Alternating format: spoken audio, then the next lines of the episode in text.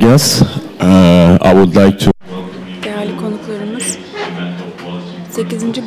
Boğaziçi Chronicles toplantımıza hoş geldiniz. Bugün meşhur antropolog Michael Tossag'i dinlemek için buradayız. Kendisini kürsüye davet ediyorum.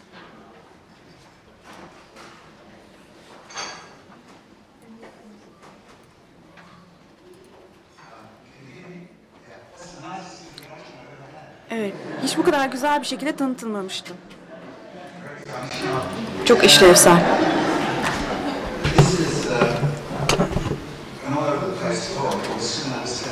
Ee, konuşmam bir sürü yere girip çıkacak anlayacaksınız.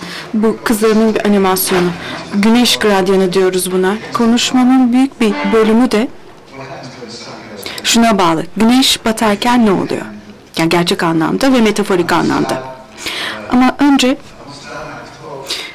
konuşmama başlarken şundan bahsetmek istiyorum. Bugün bulunduğum noktaya nasıl geldim? Ben enteresan bir konsept geliştirmeyle ilgileniyorum. Bu konsepte mastery of non-mastery yani hakim olmamaya hakimiyet diyorum. Hiç bitmeyen, sürekli devam eden bir şey bu.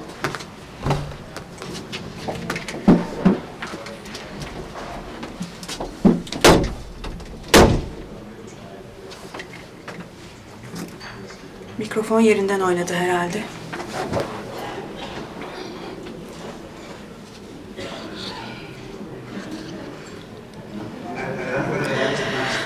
Evet, hakim olmamaya hakimiyet miydi yoksa hakim olamama durumu muydu bu acaba? Mikrofon kazağım. Evet.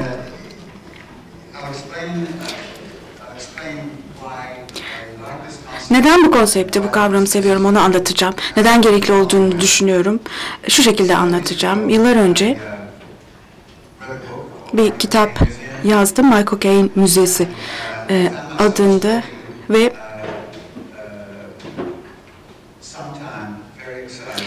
e, çok heyecanlı bir şekilde e, ısı, çamur, fırtına, yağmur konularında çalışırken buldum kendimi. Etnograflar, antropologlar neden e, acaba bu tür şeylerle ilgilenmezler diye düşünmeye başladım. Isı mesela niye ısıyla ilgilenmezler?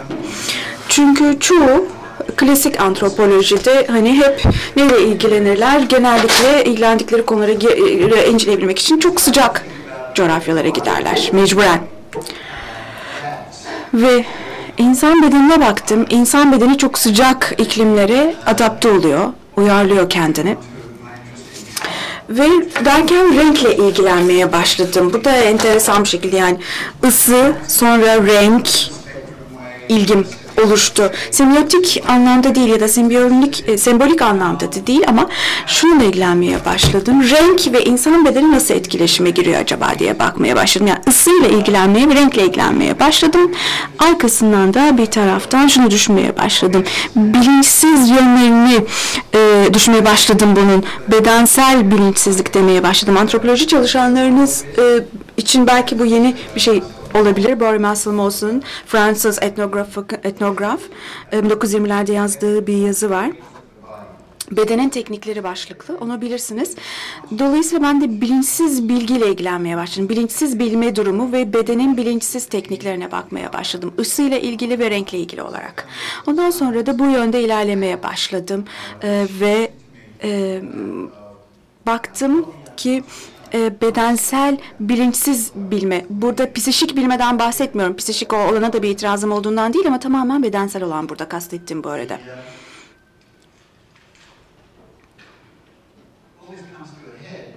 Bütün bunları birleştirince tam nasıl söyleyeceğim bilmiyorum ama çok da yoğun bir şey söylemek istemiyorum ama korku ortaya çıktı. Bir global ısınma korkusu. Çok hani iyi niyetli bir şey bu. Hani klişe çünkü artık global ısınma çok korkunç değilmiş gibi geliyor kula, kulağa. Ee, hani kıyamet günüymüş gibi de bakmak mümkün. Belki o öyle bakarsanız insanları korkutuyorsunuz. İnsanlar gerçi kıyamet gününü seviyor gibiler. Onun için kıyamet günü değil de global ısınma demek ya devam etmekte herhalde yarar var. Bir erime söz konusu burada benim için. Çünkü erime diyorum ben buna. Meltdown diyorum. Çünkü her şey eriyip kayboluyor gibi. Aşağı doğru e, kayıp uçup gidiyor gibi sanki. Eriyip gidiyor gibi. Ve e, tıp okudum ben. Daha gençlik yıllarımda Avustralya'nın Sydney kentinde. E, yani teknik bir boyutum da var o anlamda bu konularla ilgili. Ve yani bedensel bilinç size ne olur genel anlamda, genel bir soru olarak diye sormaya başladım. Global ısınma ile beraber bedensel bilinçsizliğe ne olur diye sormaya başladım giderek. Bu e, sorudan ziyade bir sahik olmaya başladı sonra benim için. Ve ölüm ve erime üzerine düşünmeye başladım. Ve şöyle düşünmeye başladım. Şu doğru değil mi? Hatta aynı zamanda yanlış da değil mi? Şöyle ki ölümle beraber biz bir sürü yeni bağlantıların farkına varıyoruz. Ölüm bir olay ve bizi herhalde kapatıyor e, düşünme anlamında ama bir taraftan da açıyor. Belki de farklı şeyleri görmemizi sağlıyor önceden görmediğimiz. Global erime deyince belki de burada yeni bir e, bağlantılar kurma imkanı da doğuyor bir taraftan. Yani bir şeyler dur belki de hani e, duruyor yeniden başlıyor bir taraftan. Bu bağlantılar ve bağlantılı olma hali nihai olarak e, utanarak söylüyorum saçma gelecek belki size ama kozmosla bağlantılı olma durumu belki de. Yani benim bedenim, sizin bedeniniz ve dünyanın bedeninin arasında bir bağlantı gibi düşünüyorum. Yani çevresel düşünmeyle e, bağlantılı. Ben hani çevreci bir felsefeci falan olduğumdan değil ama kendi konseptlerim çerçevesinde söylüyorum. Yine biliyorsunuzdur belki sempatetik e, majiyle de ilgileniyorum. Kozmos üzerine düşünürken, benim bedenim, sizin bedeniniz ve dünyanın bedeni üzerine düşünürken bir taraftan da e, sempatetik maji dediğim, sihir dediğim şeyi de düşmeye başladım. Ya bu konuşmanın sonunda belki e, bu, bu, bu tür terimleri çok sıralamış olacağım. E, yani bir giriş yapıyorum şu anda gerçi sadece. Bu bedensel bilinçsizlik ve global e, erimeyle beraber şu da oluyor diye düşünüyorum bedensel bilinçsizlik, şöyle söyleyeyim, bilinçsizliğe e, giriş yapıyor. Kısa bir süre sonra tekrar bedene geri düşüyor. Yani rahatsız hissediyorsunuz, adapte oluyorsunuz bu duruma ya da şu fiziksel duruma vesaireye. Ve sanki nispeten bilinçli gibisiniz bir taraftan belki ama sonra e, bilinçli olmaktan uzaklaşıyor. Bu bilinçli beden önemli. Yani niye kalbiniz çarpar? Benimki mesela şu anda. Niye tansiyonunuz yükselir? Niye hani terlersiniz? Böyle bunları hep biliriz ve bilinçliyizdir bunlarla ilgili. Ve düşünürseniz, üstüne düşünürseniz ama belki bunlara zarar vereceksiniz. Çünkü yürürken ya da bir çocuk bisiklete binmeye çalışırken e, ya da birisi bir stroke'tan inmeden iyileşmeye çalışırken bir sürü bedensel bilgisiz özür dilerim bilinçsiz bilgi yüzeye çıkıyor ama bence sanki onun tekrardan geriye bedene düşmesi gerekiyormuş gibi geliyor bana işte. Yani bu yukarı çıkma sonra tekrar geri bilinçsize geri dönme. Beni çok ilgilendiriyor gerçekten. Ve ne tür bir bilgi var burada yani bilinçsizlikten bilinçsizliğe giriyor sonra tekrar bedene geri düşüyor. Nasıl bir bilgi bu diye düşünmeye, düşünüyorum. Bu bilgi öncelikle herhalde şöyle bir bilgi.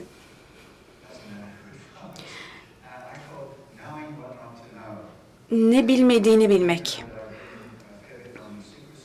E, gizlilikle ilgili ve kamu gizliliğiyle ilgili kitaplarım var bilirsiniz belki. Bu kamusal gizlilik meselesini e, neyi bilmeyeceğini bilmek olarak tanımlanabilir kısaca.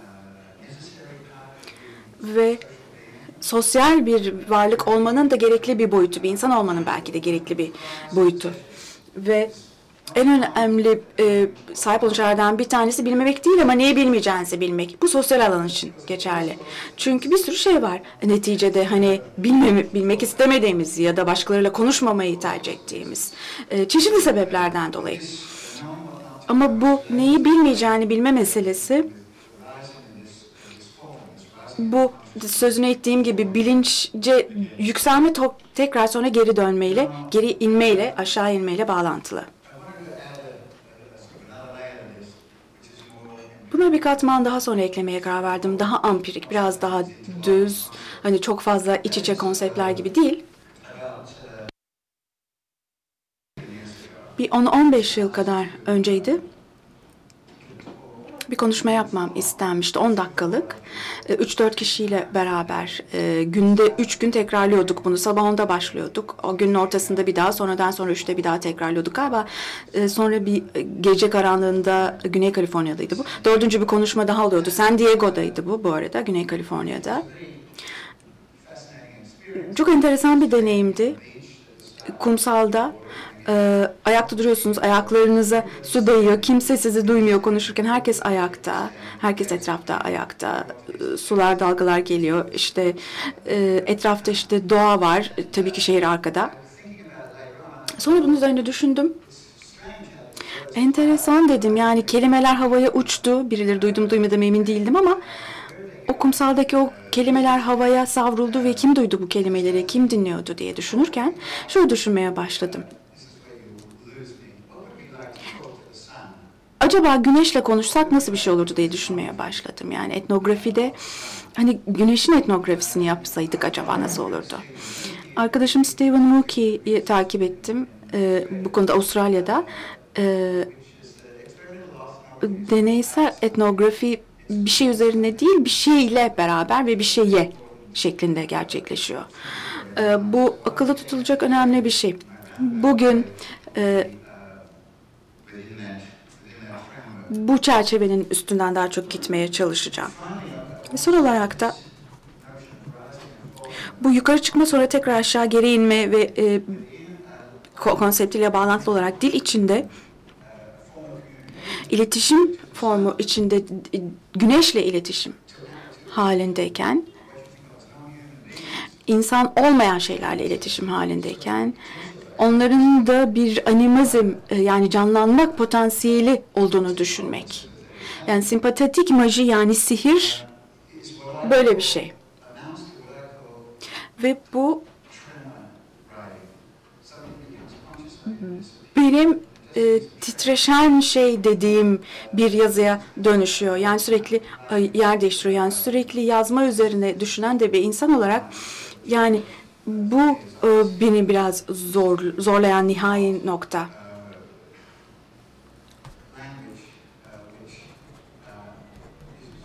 Yani bir dil olarak titreşim üzerine kurulu bir dil. Yani görüyorsunuz e, bir sürü yerde dağınık e, konuşacaklarım, e, düşüncelerim. Bir de son olarak da Frankfurt e, ekolündeki Marksistlerden Hoka Madano'nun e, Diyalektik, Diyalektik Aydınlanma isimli e, kitabı var. Oradaki e, sahipler ve Homer'den başlayarak bakıyorlar o kitapta. E, o, o dönemden itibaren insanlık tarihine baktığımızda bir ihtiyaç var, bir istek var. Sürekli e, doğayı ya hükmetme üzerine yani insan doğası da dahil olmak üzere yani erkeğin kadına e, hükmetmesi, insanın doğaya hükmetmesi hep hükmetme üzerine insan tarihi e, anlatılıyor o kitapta. Ve bunu yavaşlatmak ya da bir şekilde kökten değiştirmek fikri üzerine düşünmeye başladım ve e, benim doğaya hükmetme e, ye verdiğim yanıt hakim olmamaya hakimiyet. Yani doğrudan onunla çarpışmak şeklinde değil de e, daha daha felsefi bir form üzerinden. Bunu akılda tutmanızı istiyorum. Evet başlayayım.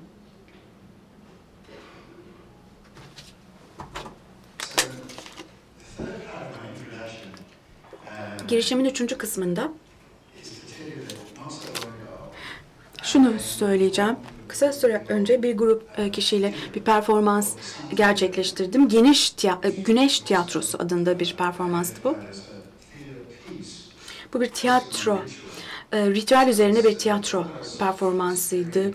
E, çeşitli korkutucu boyutları olan e, ritüel kısımları olan bir tiyatro performansıydı ama bir tiyatro performansıydı neticede. Ritüele yaklaşan bir şekilde dünyayı e, değiştirmek, ritüellerle, sihirle dünyayı değiştirme şekli. Zaten tiyatroyla başka ne yaparız ki? Bunu bir müzisyenle birlikte yaptım bu e, performansı. İsmi Annie Rossi. Bir e, bir dansçı, bir başka arkadaşım e, Kylie Bukari, Bentley Maker adında bir ışık sanatçısı, e, Feride Arap sesti, tabii eski değerli arkadaşım Mangal Ward.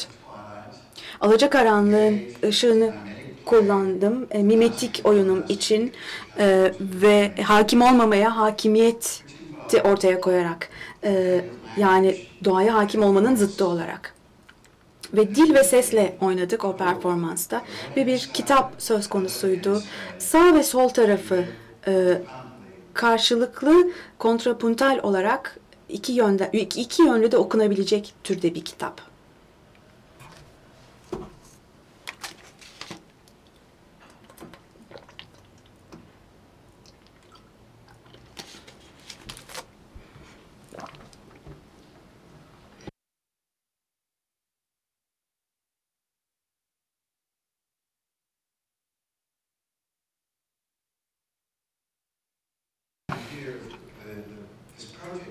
Bu projede bir tiyatro eserini bir kitaba çevirmeye çalıştık sağ ve sol tarafı olan. Yani her açtığınızda iki sayfası açılıyor kitabın ee, ve birbiriyle birlikte okunması gerekiyor. Yani başlangıçta bir tarafta oyunun metni var, diğer tarafta da yorum var oyunla ilgili. Çok güzel olduğunu düşündüm ben ee, bunun ve yani tiyatro kitabı dönüştü diyebiliriz. Bir, bir bakma şekli bu. Buna bu. Ee, bir e, Amy Frances Cheney adlı bir e, kitap tasarımcısının fikriydi bu. Ben bugün e, anlatacaklarımın hepsini bu filtreyle düşünmenizi istiyorum. Önce tiyatro sonra kitap e, şeklinde. Yani bir e, örneğini göstermeye çalışacağım, fikir vermeye çalışacağım bunun içeriğiyle ilgili size.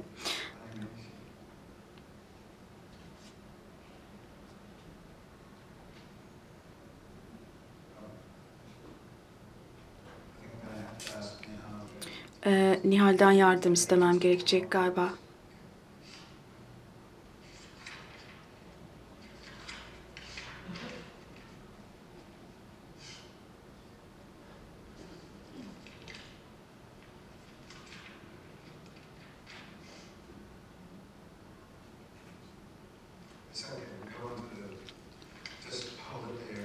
Neyse orada kalsın.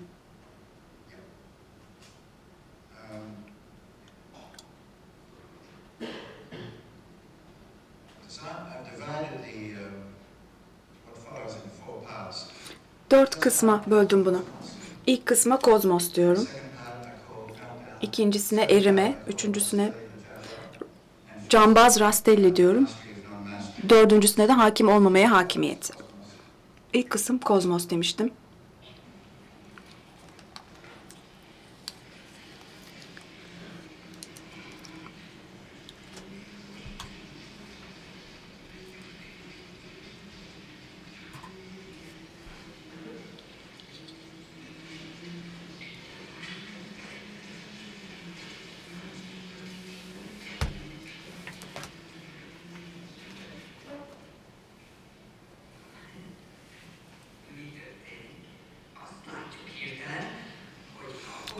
Oluyor?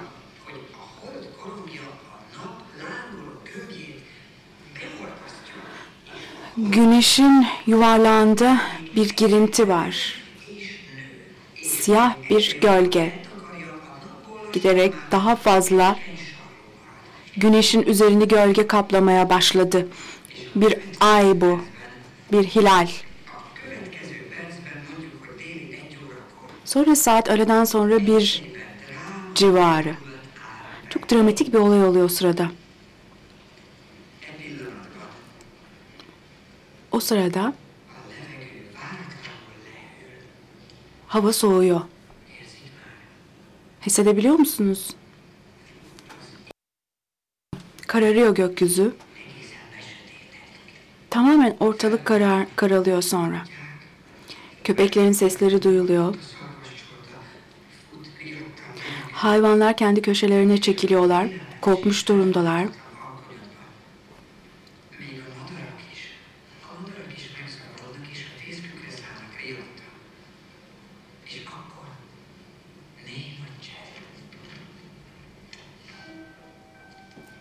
Ondan sonra bir sessizlik.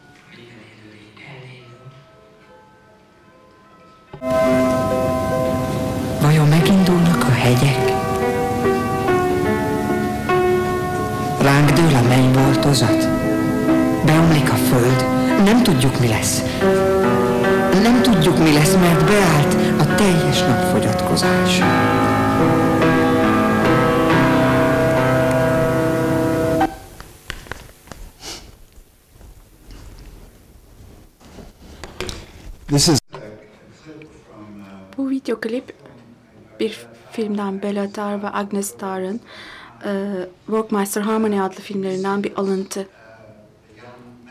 Burada sarı saçlı bu genç adam bir barda kozmosu canlandırmaya çalıştırıyor, çalışıyor diğerleriyle. Bu ellerini açmış olan ortadaki kişi. Sonra ellerini böyle hareket ettiren güneş sonra aya geliyor. Ee, aya dönmesi söyleniyor. Ondan sonra diğer gezegenler geliyorlar. Ve bayağı da e, sarhoşlar tabii gecenin geç bir saati. Ve kamera aşağıdan bakıyor. Ortağın gri ve Orta Avrupa'da e, tarların meşhur olduğu coğrafya orası. Orada sarhoş adamlar bunlar.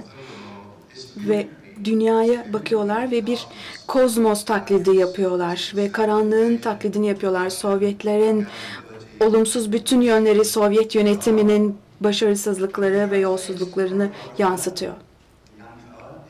Genç olan kişi koreograf henüz işi bitmiş durumda değil.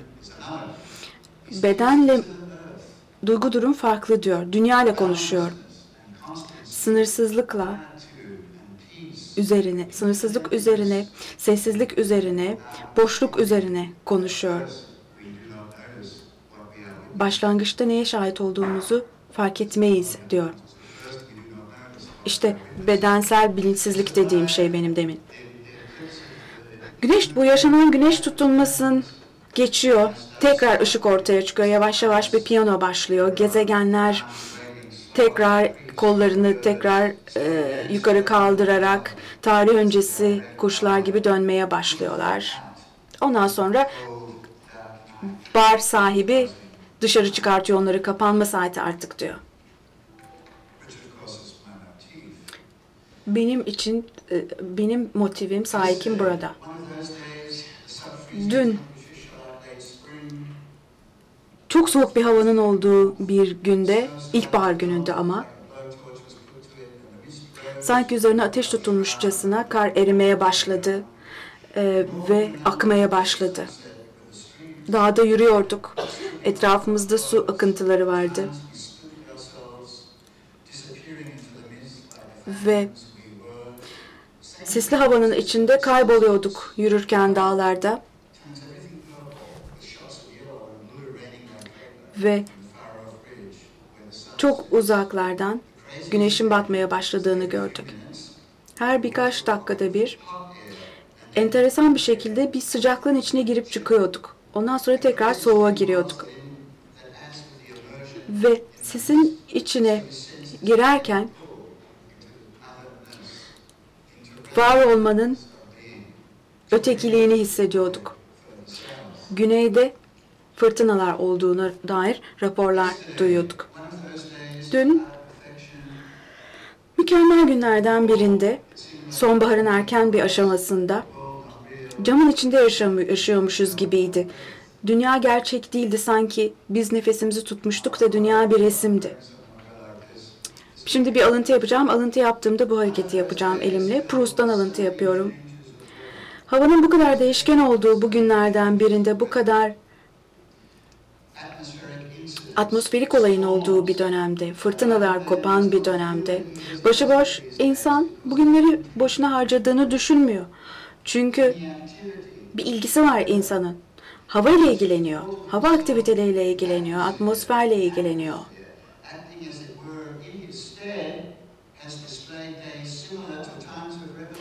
Ve böylelikle sanki savaşa ya da devrime benzer günler yaşıyormuş gibi. Walter Benjamin'in Storyteller'da söylediği gibi. Bir nesil ki okula atla çekilmiş raylı sistemlerle gitmiş bir nesil. Kırsal kesimdeler. Gök açık ve bu ortamda değişen tek şey bulutlar. Ve bu bulutların altında of destructive torrents and explosions, patlamalar ve kasırgalar var. Bütün bunların altında da kırılgan insan bedeni. he's referring to 1918, 1919. 1918-1919'dan bahsediyor. Bu artık doğru değil. Artık bulutlar bile değişmiş durumda. Burada bir e, Fransızların natürmort dediği resim tipini düşünün. Yani manzara resimleri. Walter Benjamin'in planetaryum ziyareti var 1928'de. Ve şöyle diyor. Kozmos'la tarih öncesi insanların etkileşimleri farklıydı. Transa geçiyorlardı doğayla etkileşime geçerken kozmosla. Ve kendi deneyimiyle belli bir bilgi ediniyordu. Ve bir bize yakın olan ve uzak olanın her biri bir diğeri olmadan var olamıyordu. Bu şu anlama geliyor ama. Kozmosla ancak komünel olarak etkileşime geçebiliriz. Modern insanın şöyle bir hatası var. Hep sadece yıldızlı gecelerde bireyler romantik romantik yıldızlara bakıyorlar. Kozmosla sanki sadece böyle etkileşime geçebildiğini sanıyor modern insan. Halbuki öyle değil. Aslında nesiller de doğa da kozmik güçlerden kaçamadı. Nitekim Birinci Dünya Savaşı'nı yaşadık. Kaçamadık. Modern savaşlar yolu çiziyor.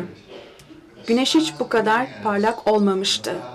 Ve çok uzaklardan yıldızlar bize göz kırpıyor.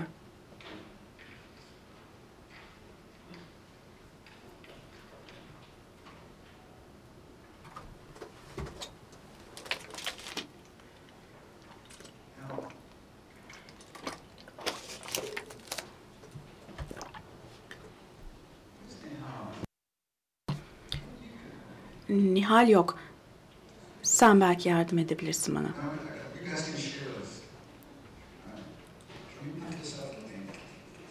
Bunu böyle pompalayabilir misin benim için? Sen de ona yardım edebilirsin belki kolay değil çünkü. Şişince bana getirin onu lütfen. Güneşi şişiriyorlar şimdi.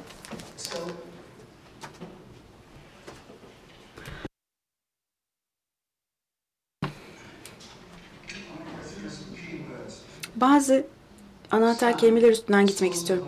Güneş, hayatın kaynağı. Emek, onun eş değeri. Hayatta kalabilmek için gereğinden fazla değer yaratıyor. Marx'ın deyimiyle fazla değer yaratıyor yani. Soru şu. Peki bu fazlayı ne yapacağız? Bizi şimdi öldürüyor bu fazla yarattıklarımız. Güneş. Güneşin yeniden keşfedilmesi. Global ısınmanın yarattığı şeye gönderme yapıyor. Sosyolojide Batay'ın sacred dediği şeye. Yani her yerde var, kutlu ve her yerde. Güneşin yeniden keşfiyle gizli olmaktan ort, e, olmaktan çıkıyor artık. Yani gizemli olmaktan çıkıyor. Ve bir şey olma ihtiyacı ortaya çıkıyor. Yani şeylerin üzerindeki sihri bozabilmek için. Benjamin'in yazılarıyla ilgili Dono da bunu düşünüyor. O yüzden de şimdi diyorum ki yeniden keşfettik.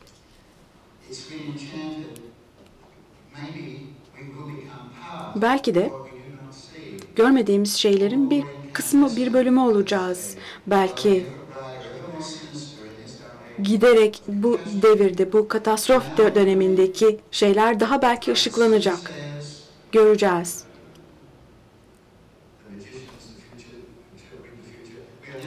Falcılar diyorlar ki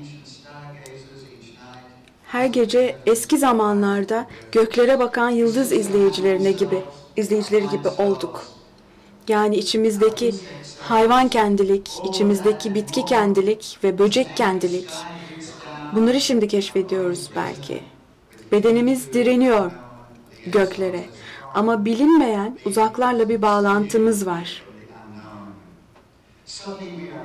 Birden canlanıyoruz. Bedenlerimizle, bedenlerimizin üzerinde bir yıldız etkisi var ve güneş rüzgarı etkisi var.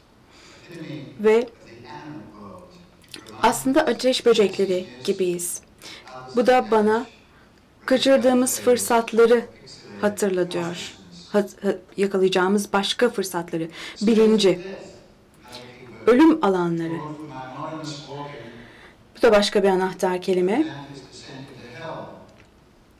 Dante'nin Inferno'su yani Cehennem adlı eserini hatırlatıyor bana. Dante'nin cehenneminde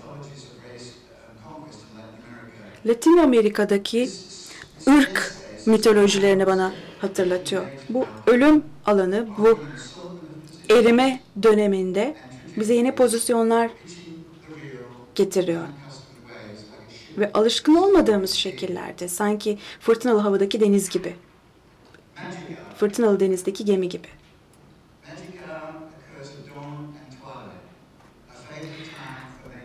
Işığın gün, günün doğması ve batmasıyla beraber sihirli bir dönem ortaya çıkıyor. Film çekmek için ideal güneşin ilk battığı ve ilk döndüğü, e, doğduğu alanlar.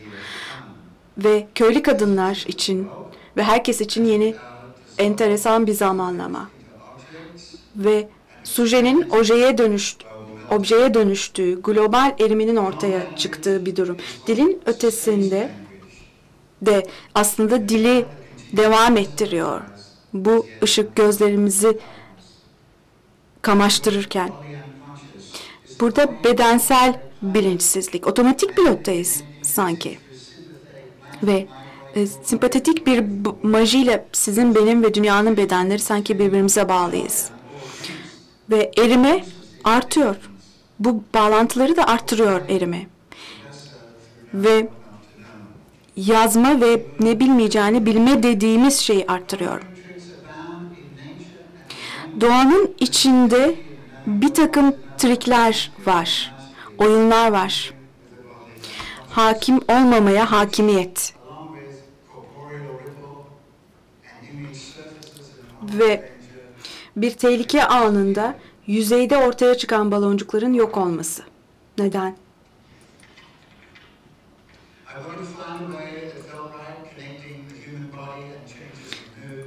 İnsan bedeniyle olan bağlantıların değişmesi sanki duygu durum değişmesi gibi her gün güneşin yer değiştirmesi gibi. Ve bu erime döneminde benim midik boyutum sanki canlanıyor, kuvvetleniyor. Sonra tekrar uykuya geçiyor. Ve bu mimetik olarak hassas olan bedenim büyük ölçüde bilinçsiz şekilde işlevlerini yerine getiriyor. Güneşle etkileşime girerken. Bilinçli hale geliyor sonra tekrar bilinçsize geri gidiyor. Tıpkı güneş gibi, güneşin sürekli yer değiştirmesi gibi, şamanlar gibi tıpkı. Şamanlar da iyileştirme eylemlerini bu şekilde yapıyorlar. like the art of the body unconscious, Bedensel bilinçsizlik, bilinç, bilinçsizliğin sanatı gibi. Mimesis yani taklit yapan oyunlarım aşağı iniyor. Ve Proust'un alışkanlıkla olan mücadelesi gibi. Madame Saban'ı izliyor Proust mesela parkta yürürken. Sanki onun küçük küçük parçalara bölündüğünü düşünüyor. Enteresan bir şekilde Madame Saban'ın küçücük parçalarının bilincin içine yerleştiğini düşünüyor. Sanki bizim vücutlarımız da öyle küçücük parçalara bölünüp eskisinden farklı olacakmış gibi. Walter Benjamin tarih tezinde şunu söylüyor tırnak içinde. Geçmişin gerçek resmi ortadan kalkıyor. Geçmişi giderek sadece küçük bir imge olarak görmeye başlıyoruz. Soluk bir imgeye hali, imge haline dönüşüyor geçmiş giderek ve gerçekten hiçbir zaman tekrar göremeyecekmişiz gibi. Enteresan değil mi? Bütün bu kişiler hep, bu söylediğim kişiler aslında aynı yolda gidiyor. Nietzsche de kendini bize gösteren şey sadece bir kere gösterir demişti. Belki de hayatın en önemli sihri de bu.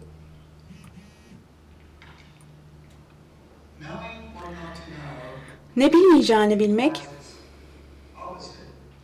tersini de beraberinde getiriyor yani şu anlamda. Birden bildiklerimizi ama bildiğimizin farkında olmadığımızı, bildiğimizi bilmediğimiz şeyleri fark ediyoruz. Yani belli bir saatinde günün sihirli saat diyorsunuz. Güneş battıktan sonraki saatte tam bakıyorsunuz bütün dünya değişiyor. Çünkü gökyüzü kararıyor. Bu şu demek. Yani bir bilme şeklinden bir diğerine hareket etmiyoruz aslında. Birden fark ettiğimiz zaman hani bildiğinizi bilmediğinizi fark ettiğinizde. Sadece o değil. Yani bir bilgi şeklinden bir diğerine hareket etmiyoruz sadece. Tabii ki bunu da yapıyoruz ama onun da ötesi var. Daha e, kritik ve akrobatik olan şey bir kayma. Kayıyoruz aslında. Eş zamanlı olarak kaybediyoruz ve kazanıyoruz aslında. Başlangıçtaki noktamızdan farklı bir hale geliyoruz. Yani katlanıyoruz, tekrar üstüne katlanıyor gibi. Yani 8 rakamındaki gibi bir döngü sanki söz konusu. Hakim olmamaya hakimiyet. Ama bunu yapmaya devam da edeceğiz. Bu denge bozucu eylem devam edecek ve bu kendi 8 sayısını sanki yaratacak. Bu yuvarlak hareket, yuvarlağı çizme hareketi. Bu işte mutluluk. Yani bu mekanizma kendi enerjisini ve hareketini üretiyor. Enteresan bir asimetrisi var kendi içinde. 8 rakamının yuvarlaklığındaki hakim olmamaya hakimiyet. İşte bu şamanlar gibi olan halini bedenin. Ona paralel.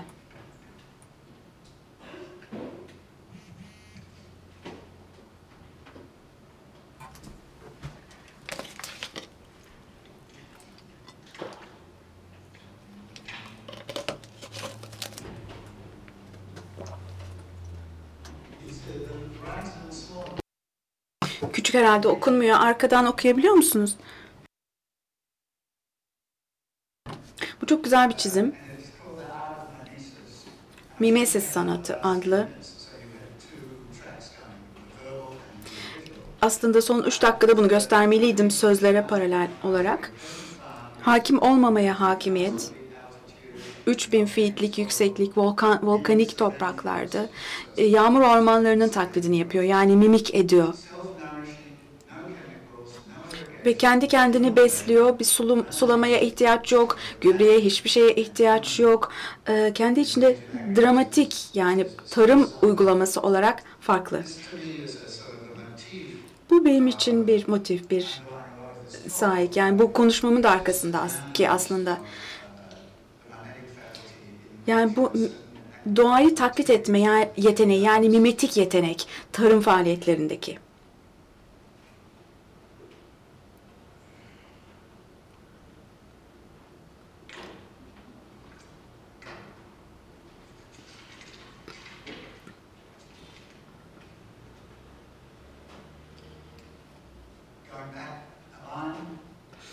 Geri gidiyorum. Bu 8 sayısındaki hakim olmamaya hakimiyet durumu bedenin şamanlık özelliğine paralel.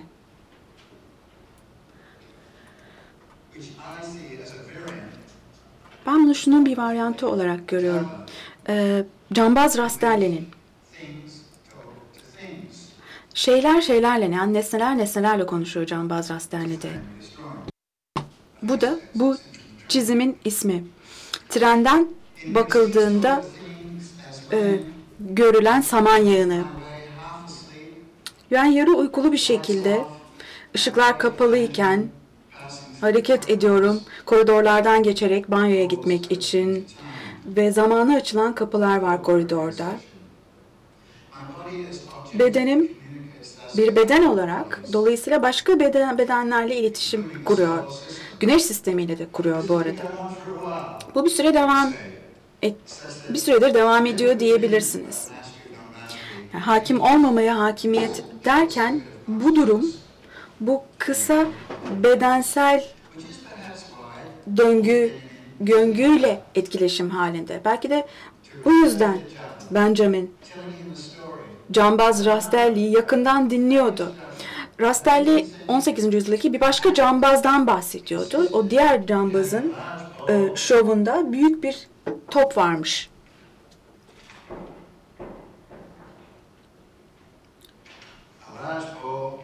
Büyük bir top kendine doğru sekerek gelmiş. Merdivenleri çıkmış. Kendisi merdivenin tepesindeymiş ve top yukarı çıkmış. Üstüne nihayet omzuna ve sonra da parmağına konmuş top.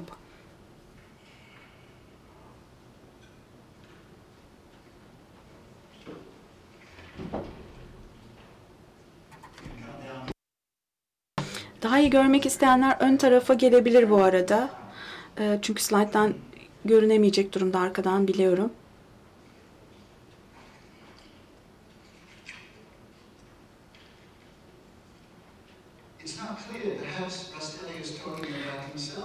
Çok net değil. Belki de Rastelli orada kendinden bahsediyor. Yani orada bayağı bir cambazlık var bu hikayenin içinde o kesin. Tıpkı e, bu topun içinde saklı olan cüce gibi. Bütün hareketleri yapıp onun üstündeyken aslında içinde meğerse bir cüce varmış kitabın. Walter Benjamin'e göre Walter Benjamin'e Cambaz Rastelli bunu anlatmış. Bilmiyoruz tabii. Walter Benjamin belki bu hikayeyi uydurmuş olabilir. Konstantinopol'un sultanı için belki de bu binadaydı kim bilir bir şov yapması istenmiş. Çok güzel bir performans olmuş diye anlatıyor Rastelli Walter Benjamin'e. Ee, ve e, top e, cambazın parmağının üstüne konmuş. Sonra işte kimse kellesini vurmamış. Ödül verilmiş ona güzel bir şov yani performans için. Sonra buna bir not verilmiş cambaza. Diyor, deniyor, deniyor ki cambazın eline gelen notta Üstadım kusuruma bakma hasta olduğum için bu akşam gelemedim. Aslında demek ki cüce gelememiş meğer. Cücesiz de demek ki o şov pekala yapılabiliyormuş. Yani bütün bu hakim olma durumunun alfa ve omegası diyor Benjamin. Yani nesneyle güç birliği yapmak söz konusu burada. Yani meseleye hakim olma ve nesneyle kuvvet birliği yapma. Yıllarca cambazlık pratiği yapmış olmak bütün beden ya da bütün toplar onun kontrolünde demek değil ama insan ve top bir anlayışa ulaşıyorlar. Belki de bilinçsiz olarak arkadan, arkasından. Ve buradaki cambaz yorulana kadar deli gibi çalışıp pratik yapıyor. Ve öyle bir aşamaya geliyor ki belki de kendi rasyonelliği artık kollarının, parmaklarının ucunda. Buna pratik yapmak deniyor. Başarılı. Çünkü irade diye yazıyor Walter Benjamin. Bedenin içinde organları da idare ediyor. Eli mesela bir şekilde yönlendiriyor.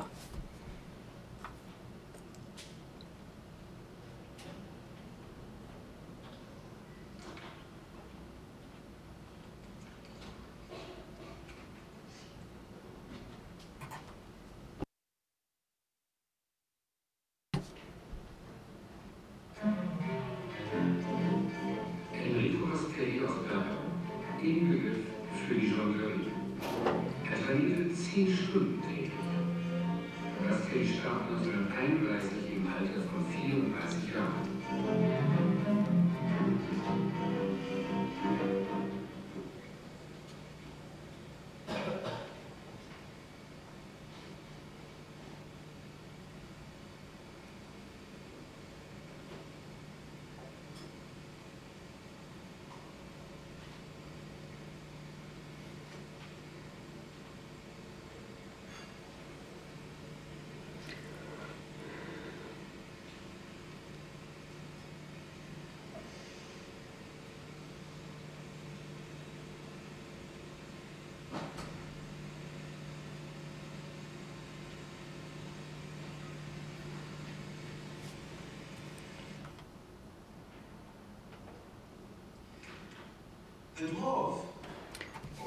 Cüce ya da bir cüce.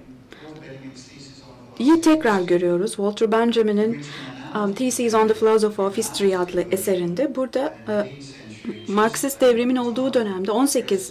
yüzyılda bir satranç oyunu tarif ediyor. E, Türkler gibi giyinmiş birisi ve karşısında bir makine var. Makine bütün satranç oyunlarını kazanıyor. Ama aslında bir cüce sayesinde oluyor bu. Cüce meğerse satranç masasının altına saklanmış. Bu makine gibi tarihsel materyalizm de hep kazanacak. Teolojinin hizmetlerinden yararlandığı sürece, diğer de işte cücenin hizmetlerinden yararlandığı sürece. Ama hep masanın altında saklanması lazım cücenin.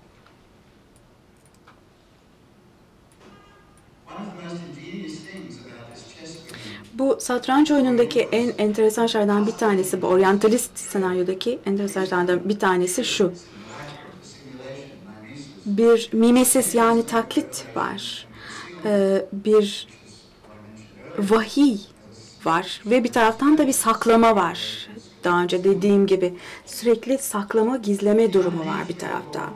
Yani masanın altında saklı olduğu kısmın e, cücenin saklı olduğu kısmın çeşitli bölümleri var. Dışarıdan baktığınızda boşmuş gibi görüyorsunuz. İki tane e,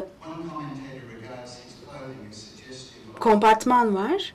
Bunlar saklı ve sanki oryantal doğulu bir büyücü saklamış gibi cüceyi oraya.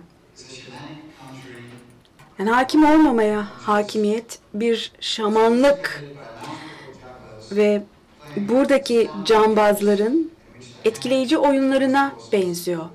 Orada el nesneyle kuvvet birliği, güç birliği yapıyor. Bu yapılan oyunlardan bir tanesi tarihteki el.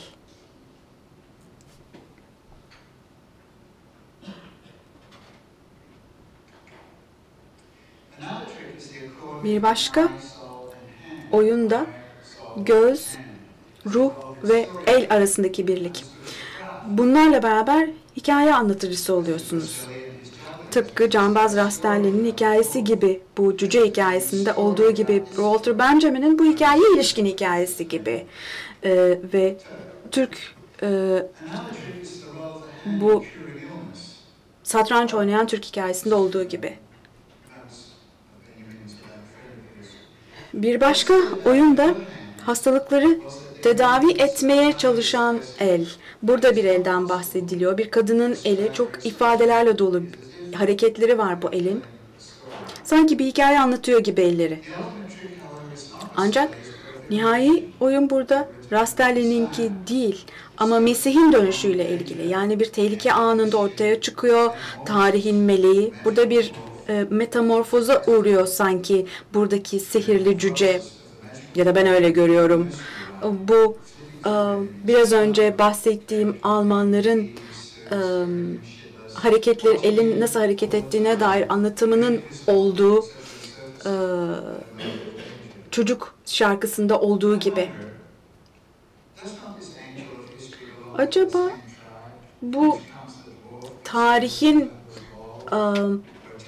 meleği de acaba aynı klana mensup değil mi? Sanki cüceyle hani Türk'ün karşısında gizlenip de her seferinde oyunu kazanan ve Mesih kendini nasıl sunuyor burada?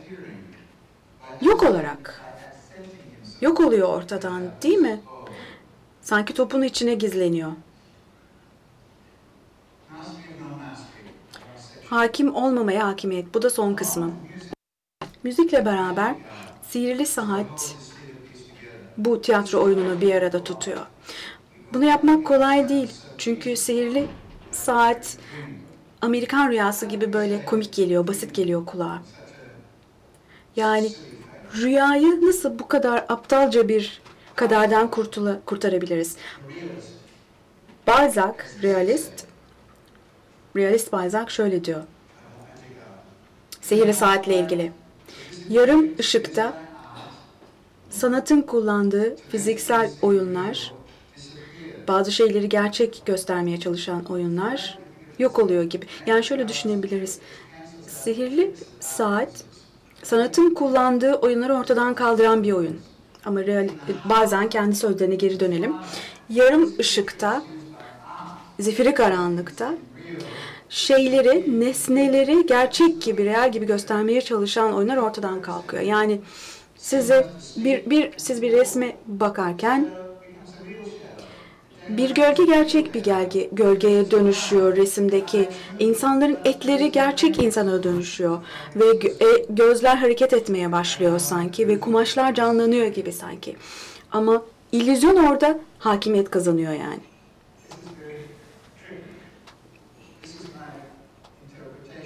Bu benim yorumum. Bu aslında gerçekten sihirli saatin betimlemesi değil bir uygulama olarak ama daha gerçek hale geliyor ve aynı zamanda bir illüzyon da. Yani günün bu saatinin bu aşamasının enteresan kısmı da bu. Yani bütün bu güneşin bu hareketinin ortaya koyduğu bir şey zaten.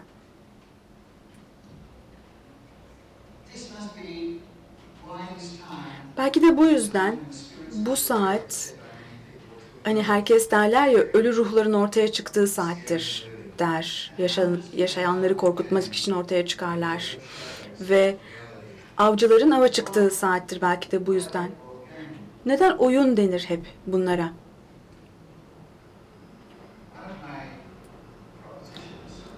Benim önermelerimden biri şu. Sihirli saat açılıp genişleyecektir. Global erimeyle beraber. Ve daha fazla bir zifiri karanlık dünya yaratacaktır.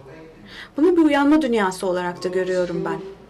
Ve becerileri olan revelasyonların olduğu, yani vahiylerin olduğu ama saklanmaların, gizlenmelerin de olduğu.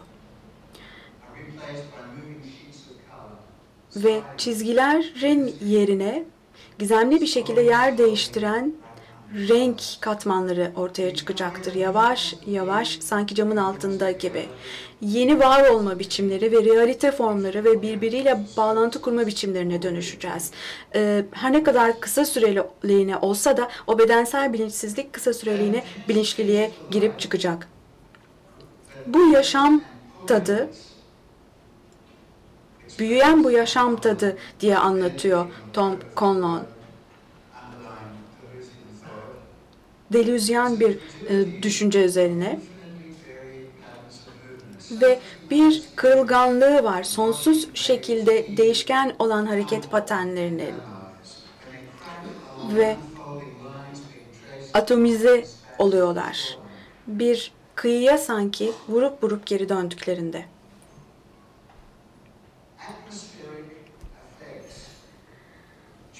Atmosferik etkiler bizim realiteyi anlama şeklimizi değiştiriyor. Dolayısıyla senin kendini anlanma şeklinde değiştiriyor.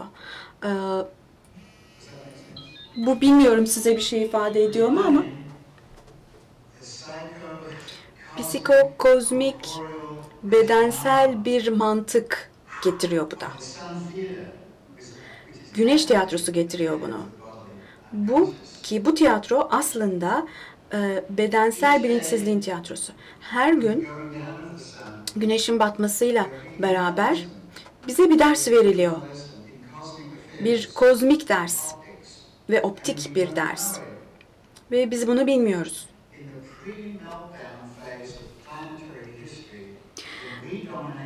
Gezegen tarihinin erime öncesi fazında ki bu fazda biz doğaya hakimiz. Burada aslında gayet patolojik haliyle o bize hakim. Kendi sakat ve patolojik haliyle.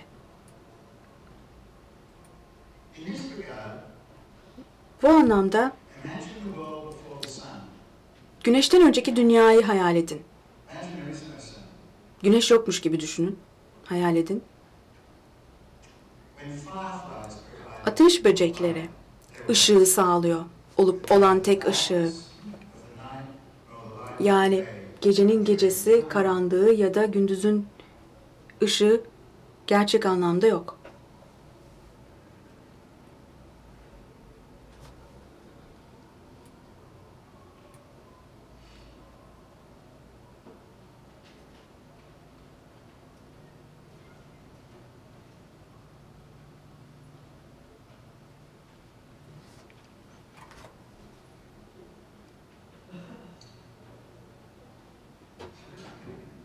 Bir daha mı basmam lazım?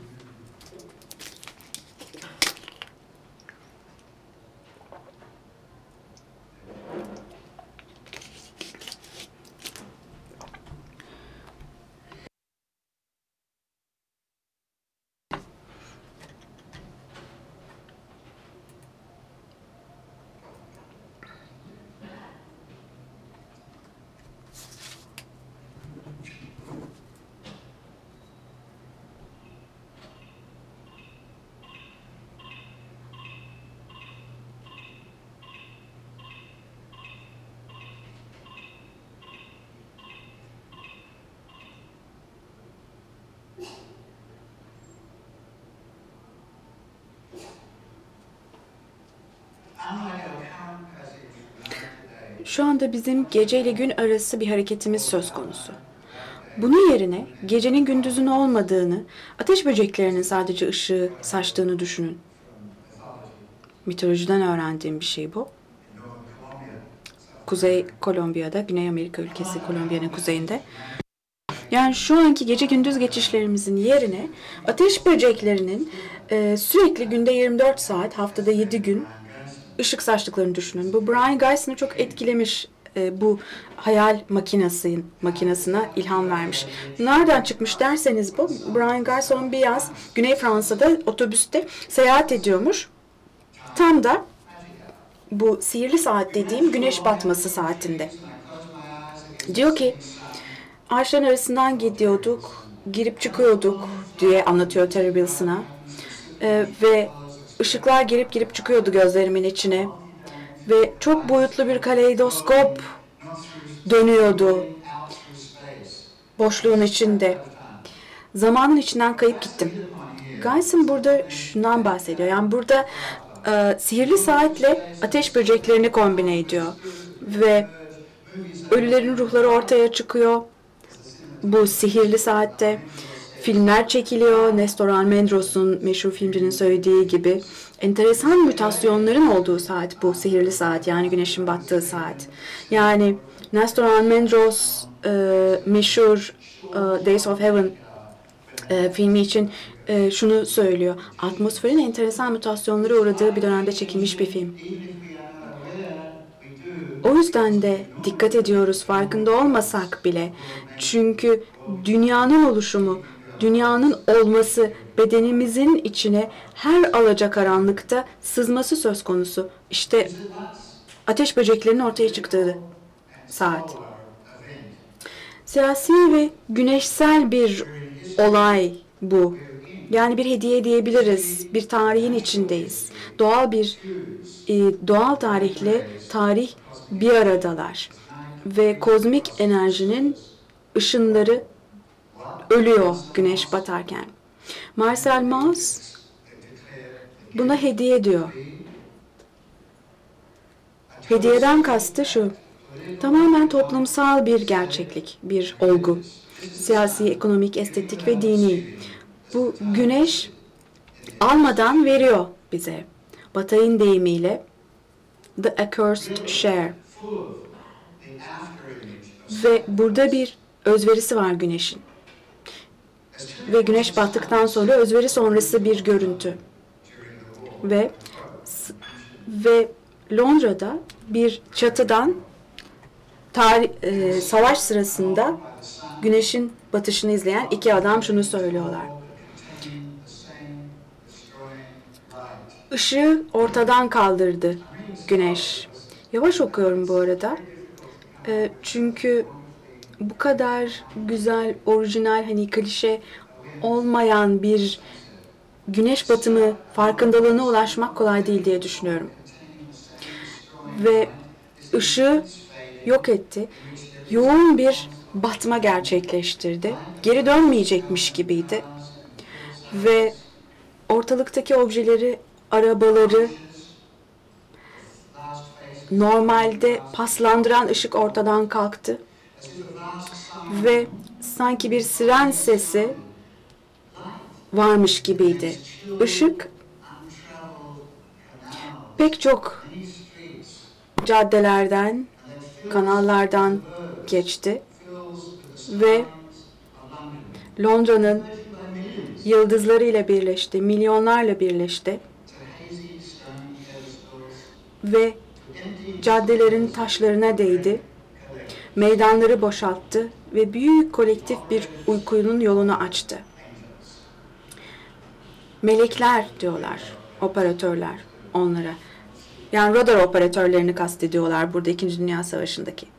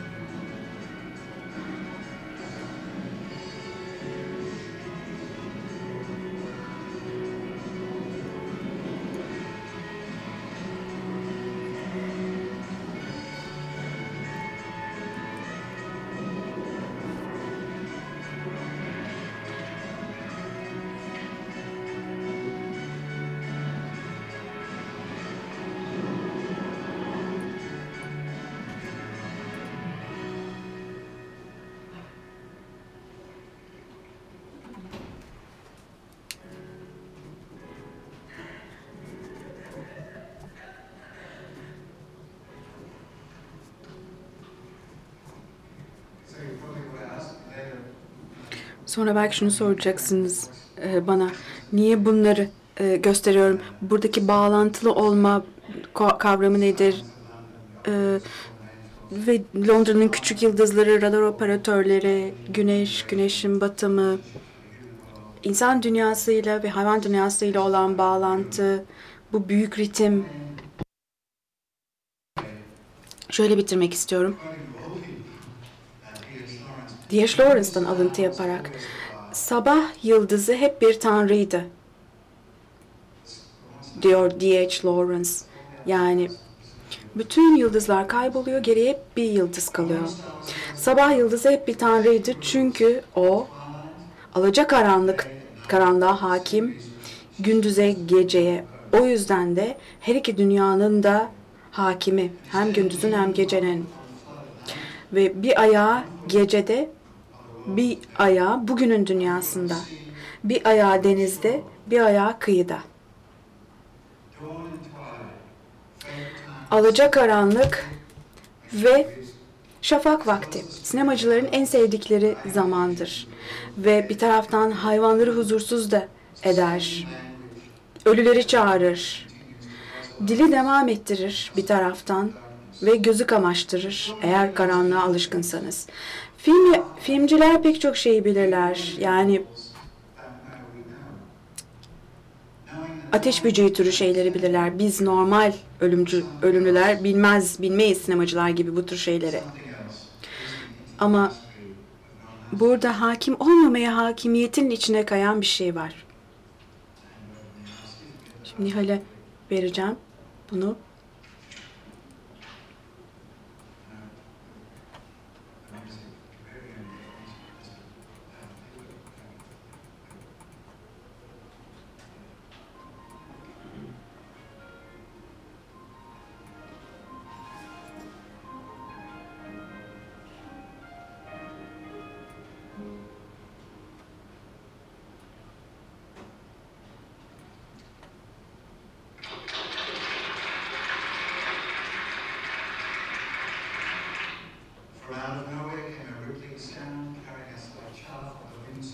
Bizi rüzgarda savuruyormuş gibi bir müzik sesi geldi bir yerlerden. Çok mutlu bir sesti. Ve zamanın ırmağının içine bizi kattı. Anlatıcının koltuğu boştu. Hep böyle bir boşluk mu vardı? Ama müzik yine de akmaya devam etti. Ve bu yazma, hakim olmamaya hakimiyet boşluğu sürekli devam mı ediyordu? Mangalward odak noktasına, fokusa geliyor burada.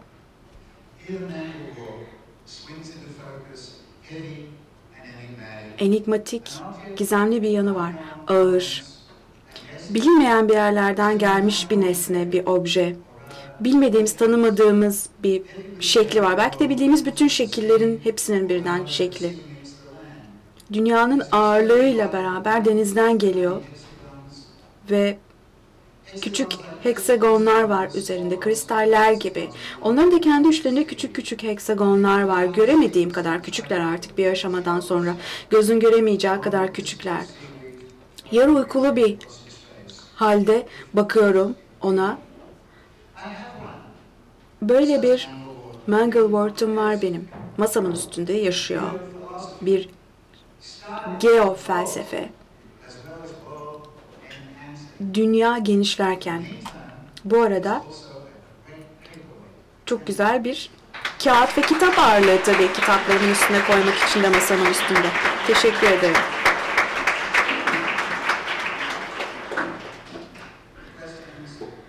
Sorularınız, yorumlarınız var mı? Böyle bir şey yapmak kendi filmini yapmak gibi. Yani bir sürü şey e, ters gidebiliyor. Kusura bakmayın arada teknik aksaklıkları oldu o yüzden. Sondaki müzikte hani ben aradan böyle o müzikle eş zamanlı kayacaktım. Orada eş zamanlılık olacaktı. Hesap oydu yani. Yani bir yabancılaşma anları oldu o yüzden ara ara. İşte prodüksiyon yani e, yapım sürecini görüyorsunuz. Aksaklıklar oluyor. Dümdüz gitmiyor her şey. Performansta her şey. E,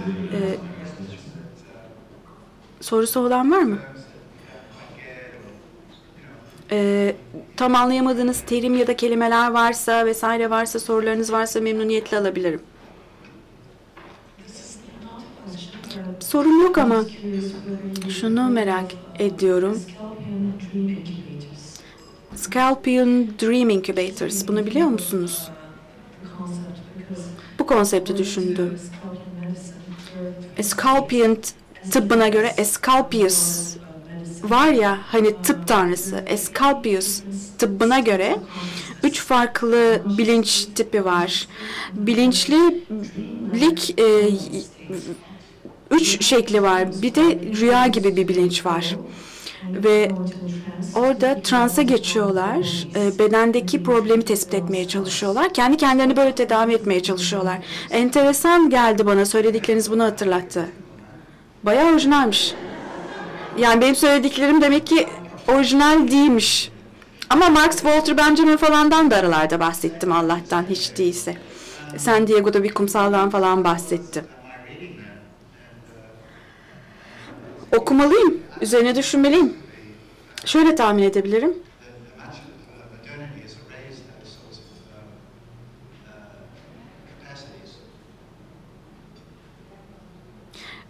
Yani farklı farklı kapasiteler var demek ki.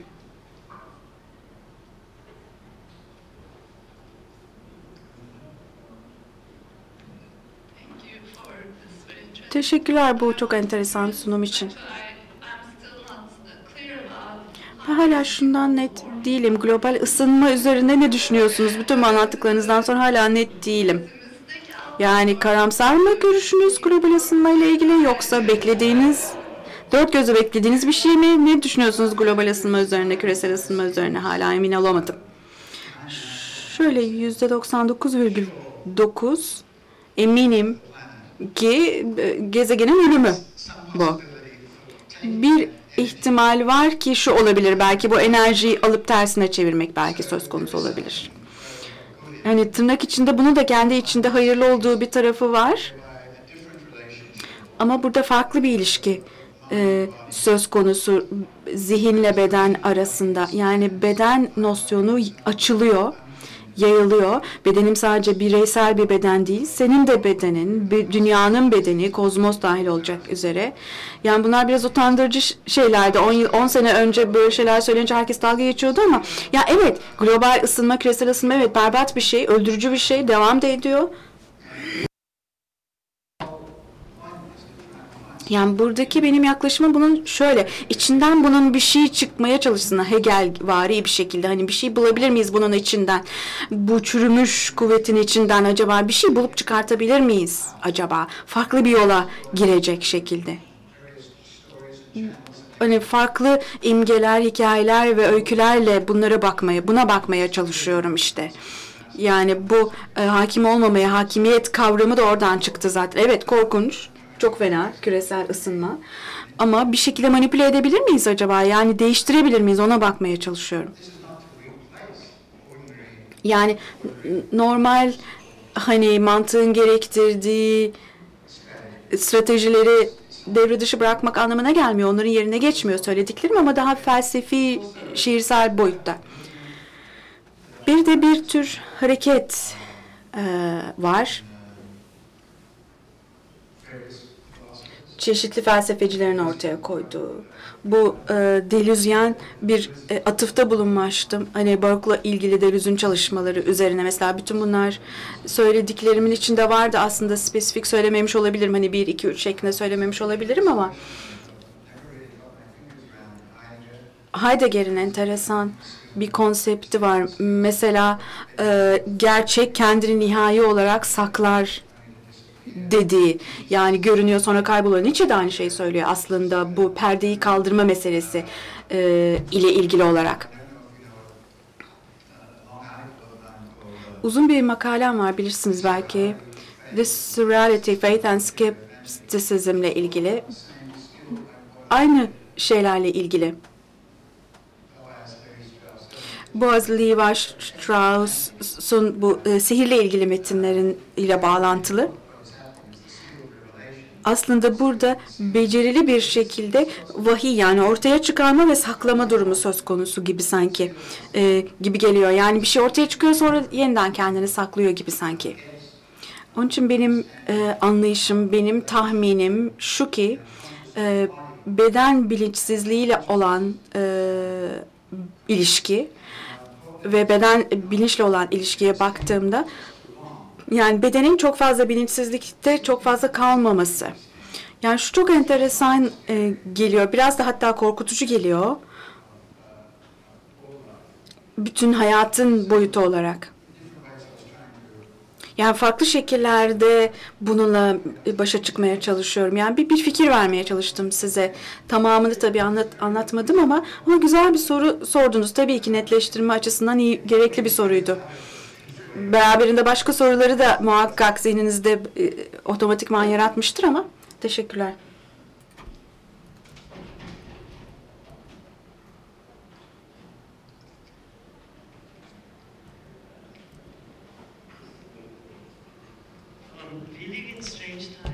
Enteresan bir dönemden geçiyoruz.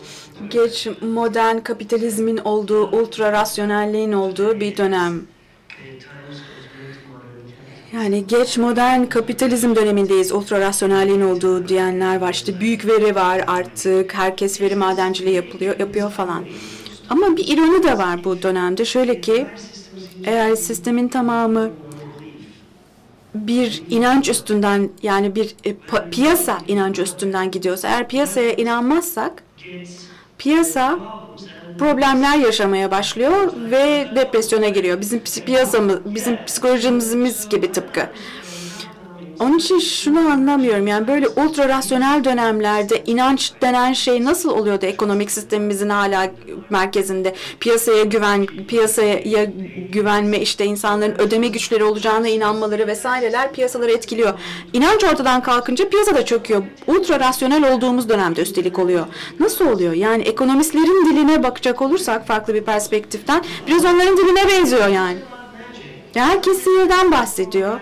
Bazıları bu sihri rasyonel bir şeymiş gibi sunuyor, bazıları sunmuyor. Fark bu. Sosyologlar, antropologlar bunun üzerine çalışmaya başladılar herhalde bir çeyrek e, asır önce ve farklı agency'lerden bahsediyorlar. İnsan olmayanlardan, işte atmosfer, nesne, bali ve, e, vesaire gibi yaşamayan şeylerden de bahsediyorlar. Ama bu fenomenleri analiz ederken empirik a- araştırma açısından analiz ediyorlar. Mesela finans piyasalarını çalışanlar ekonomiye bakıyorlar.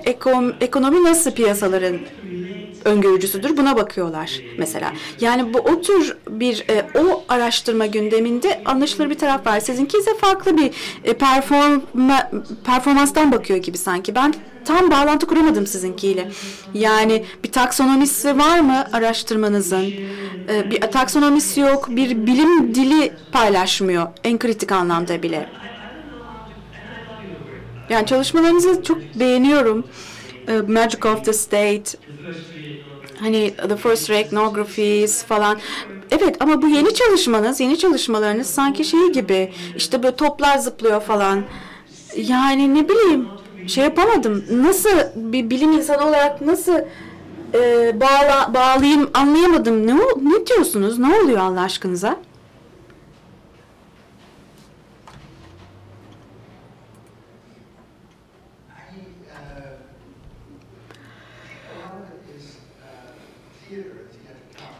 Tiyatro aslında büyük bir bölümü ve tiyatrallik.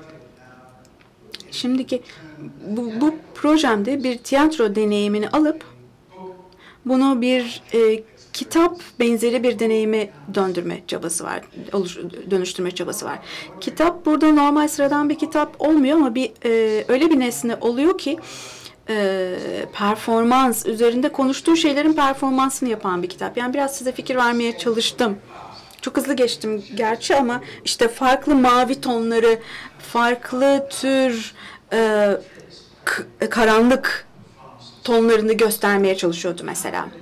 Yani burada kısmen şu var. Bilim dünyasından çıkıp sanat dünyasına belki de kayma ve hani öyle de diyebiliriz herhalde ve farklı temsil türlerine kayma. Yani ana e, nokta belki de bu. Peki neden baştan tiyatro ile yola çıktın diye sorabilirsiniz. Ee, hani mesela bir boyama kitabı olabilirdi. Yani ısı dedim, sonra renk dedim. Ee, fikirler bu şekilde çıktı benim ortaya çıktı benim zihnimde. İşte bu bilinçsizlik, bedensel bilinçsizlik, etnografik bağlam vesaire. Geriye dönüp düşünmeye çalıştım. Ama doğrusu hani benim hangi aşamalardan geçerek bu noktaya geldiğimi tam da tek tek tespit edemedim. Göreceğiz. Şu anda daha konvansiyonel, kulağa konvansiyonel gelen bir projem var. Afrika ile ilgili, Endonezya, Malezya ile ilgili ve Kuzey Kolombiya ile ilgili o başka bir hikaye gerçi.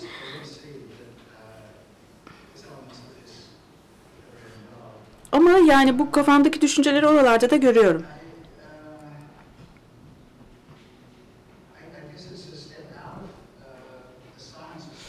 Yani sosyal bilimden biraz dışarı çıkma meselesi bu galiba. Sosyal sanat mı desek bilemedim. Yani bunu bu şekilde söylemek biraz aptalca oluyor ama ya Color Book'u yazarken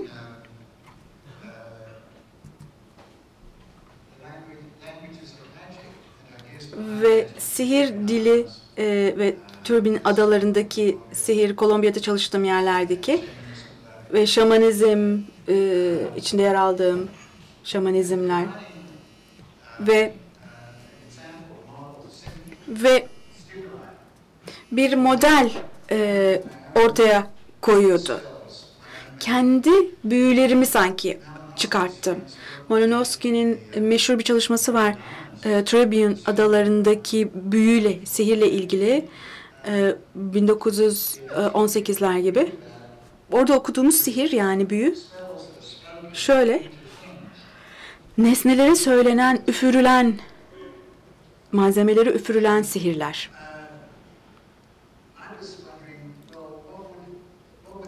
Yani bu bugün olsa nasıl olurdu acaba diye merak ettim ben. Ben yapsam, ben üfürsem bu sihirleri diye düşündüm, merak ettim. Yani bazı insanlar aptalca olduğunu düşünebilir. Benim bu attığım adımın. Ee, ama başka bir bağlantı kurma şekli de olabilir bu. İmkanı da olabilir. Yani ritüel gibi yani performans ritüeli gibi bir e, performans ritüeli gibi de düşünüyorum bütün anlattıklarım. Yani bu imgeler, görüntüler ve müzik e, tiyatroda e, hani bir bütün teşkil edecek şekilde bütünlenmiş ve yeterince eş zamanlı değildi. Ama e, şu kesin ki benim zihnimde e, bütün bu çalışmanın altında bu var. Yani ritüel ya da bir yarı ritüel söz konusu çevreyle konuşan. Yani bu yönde daha fazla ilerleyebilirim ama hani e, yani sadece bilim ve karşısında sanat meselesi değil de daha ritüelistik bir şey.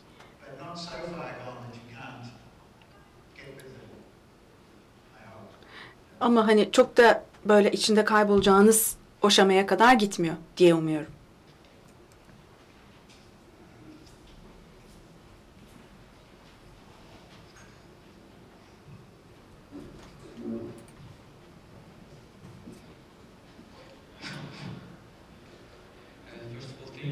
Öncelikle teşekkür ediyoruz. Bu içerikli sunumunuz için benim hoşuma gitti. Ee, kitabınızı okudum ama şu kısmı doğru anladım mı emin değilim. Bu konseptle benim sorunum var. Bu bedensel bilinçsizlik konseptiyle. Çünkü şöyle gibi sanki, sanki yine de e, bu buradaki güneş güneş yine sanki bilinç gibi yani e, bilinçsizlik bilincimizin etrafında dönüyorsa o zaman bu bilinçsizliği alıp zihni alıp e, hani kavramsal bir güneş gibi o zaman görebiliriz belki. Yani tamamen e, bu e, hakim olmamaya hakimiyet dediğimiz kavram sanki hareket ediyor bu bilinçsizlik alanında. İlk sorum şu. Yani kitabı okudum. Hani sorum şu. E, acaba güneş konseptini alıp bedenle nasıl e, ilişkilendirebiliriz?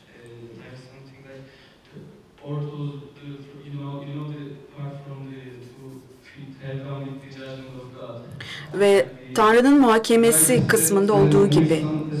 Yani yeni güneş yedi noktadan geçiyor e, görünmeden önce ve altı e, adam var E, ve yedinci bir adam var. O da e, siyah e, ve kırmızı giyinmiş. Aslında o güneşi simgeliyor.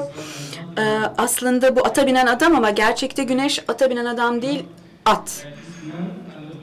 Yani bu adam binici ve at sanki e, bu atla binici arasındaki hareket ve güneşle bilinç arasındaki harekete baktığımızda konsept olarak bilin- bedensel bilinçsizliğe baktığımızda güneşi e, o zaman binici olarak görmemiz lazım. At gibi değil.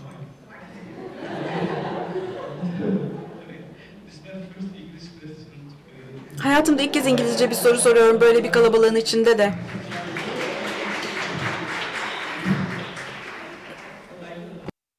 Ama sorabildim galiba. Ama çok içerikli bir sunum oldu. Teşekkür ederim kitabınız için de. Yani bedene nasıl al- alabiliriz bu güneşi? Söylediğinizden anladığım şeyin içinde bir paradoks var sanki. Bilinci kullanırken, e, bilinçsel, bedensel bilinç derken bile.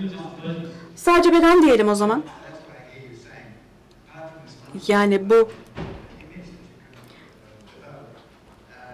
zihinlerde yarattığınız bu güzel e, imgenin de ötesinde buradaki paradoks e, ve çelişkiden emin değilim ama şundan eminim.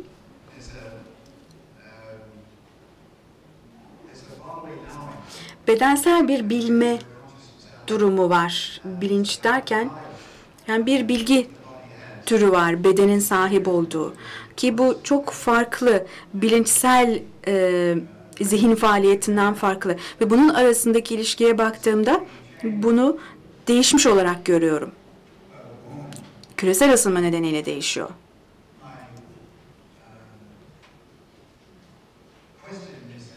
O zaman da sorum şu oluyor. Peki ne gibi muhtemel etkileri olacaktır acaba aradaki bu yeni gerilimin? Hani bedenin kendisiyle ilgili bilgisi ve diğer bir bedenler ve dünyanın bedeni ve bilinçli anlama, bedenimizi bilinçli anlama, dün, etrafımızdaki dünyayı anlayıp algılama. Yani burada ilk belki de yapacağımız şey şu, gözlerimizi açmak ve şu, duyularımızın farkına varmak ee, ve etraftaki seslerin, şekillerin, renklerin, biçimlerin ve insan davranışındaki nüansların farkına varmak.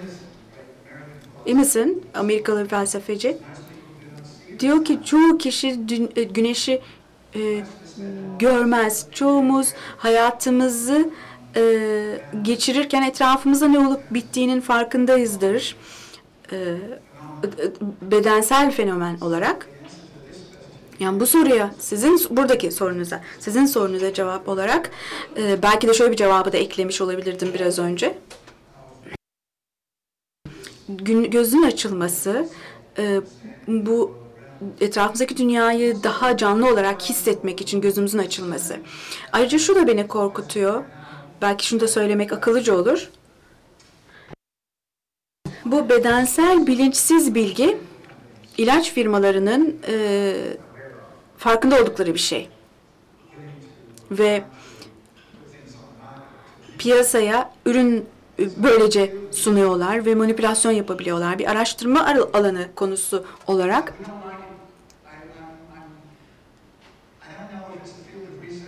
Yani bu bir araştırma alanı mı bilmiyorum ama hani insanların buna bakmalarını isterim. Ee, yani akademisyenler, entelektüeller ya da biyologlar e, bu, bu konuyu çalışmamalı diye düşünüyorum. Bu, bu, bunun araştırmasını onlar yapmamalı ama bu da bizi başka bir alana götürüyor. O zaman entelektüeller, biyologlar ne yapar peki sorusu çıkıyor bu sefer. Yani buldukları bilgiyi ne yaparlar? Bu bilgi nereye gidecek? Bu bilgiyi kim kullanacak vesaire. Yani bunu söylüyorum sadece. Çünkü farkındayım ki belli bilgi tipleri çok tehlikeli olabilir. Ve bedensel bilinçsizliğin bilgisi bu alanlardan bir tanesi nitekim. Öyle. O kadar söyleyeyim. Rengin bu kadar gizemli olmasının düşünmemin sebebi Color kitabımda, renk kitabımda şu. Bu bilinç, bedensel bilinçsizlik bilgisi bir bilmeme durumu ve normalde böyle olması. O yüzden de renkler çok enteresan. Herkes renklerle ilgili bir şeyler yazıyor. Ee, sonsuz bir problem bu. Nasıl konuşacağız üzerine, rengin üzerine nasıl konuşacağız, nedir meselesi? Neden? Çünkü başka bir alana ait. Bu hani bahsettiğim e, bilinçli e, farkındalık ve e, bilinçsiz reaksiyon arasındaki etkileşim alanına ait res, e, renk çünkü. Yani sorunuzdan şunu, şu sonuca ulaştım. Hani bir paradoks ya da çelişki mi yarattım kitapta diye endişelenmiyorum. Gerçi olabilir, olabilir. Ama beni ilgilendiren şey bu aradaki etkileşim.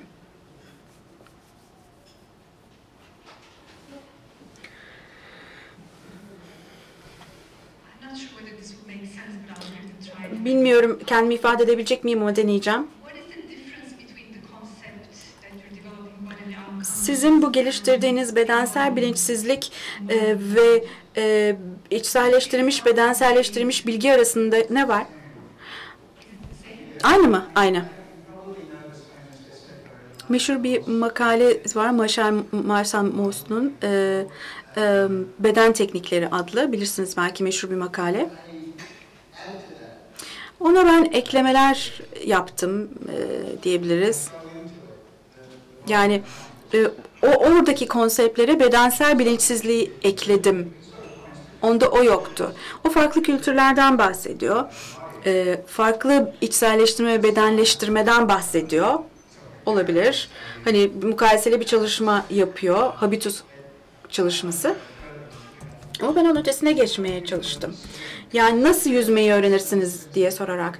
Mesela bir Fransız farklı yüzüyor, Ameri Amerikalı'dan farklı yürüyor. İşte bir e, Amerikalı hemşire bir Fransız hemşireden farklı yürüyor. Nasıl böyle yürümeyi öğreniyoruz? Nasıl farklı yüzmeyi öğreniyoruz? Ne oluyor diye soruyorum. Yani suyla ilişki hani mesela araba kullanma. Araba kullanmayı öğreniyorsunuz anneniz, babanız ya da hocanız öğretiyor yanınıza oturuyor e, ve öğretiyor size araba kullanmayı. Çeşitli bilinçli talimatlar alıyorsunuz. Direksiyon kullanmayla ilgili vitesi nasıl kullanacaksınız, işte hangi e, nereye basacaksınız ama sonra alışkanlık haline geliyor. O bilgi bir şekilde bir yere çöküyor, gidiyor ve başka şeyler düşünerek araba kullanmaya başlıyorsunuz. Yani oradaki adımlar neler acaba o süreçteki? O, adımlar arasındaki ilişki nedir? Embodiment yani cisimleştirme evet doğru kullanılabilecek bir kavram bence de.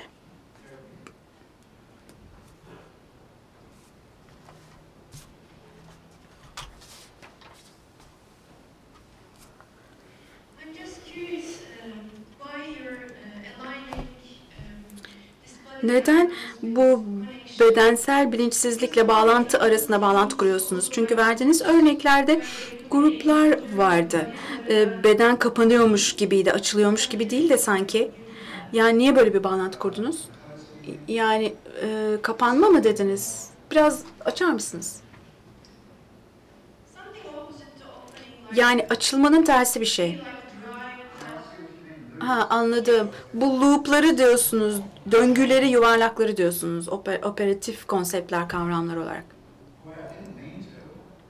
Öyle demek istemedim. Ee, yani sizin ifade etme şeklinizi sevdim ama.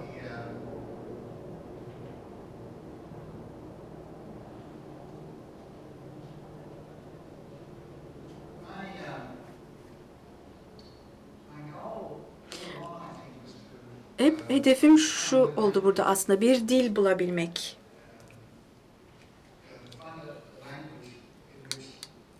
Ve bedenin güneşle ilişkiye girdiği bir mimetik ilişki dili geliştirmek. Yani bir e, hayvanın ya da çiçeğin güneşle ilişkiye girmesi gibi.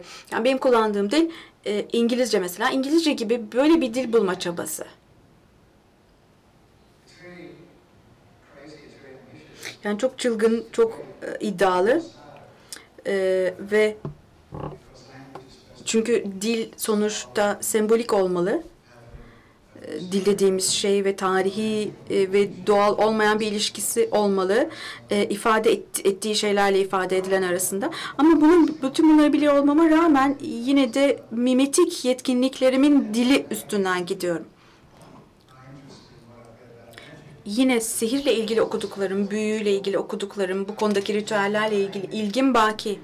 Yani orada insanlarla insanlar, insanlarla nesneler arasında bir dil var ve nesnelerle nesneler arasında bir dil var.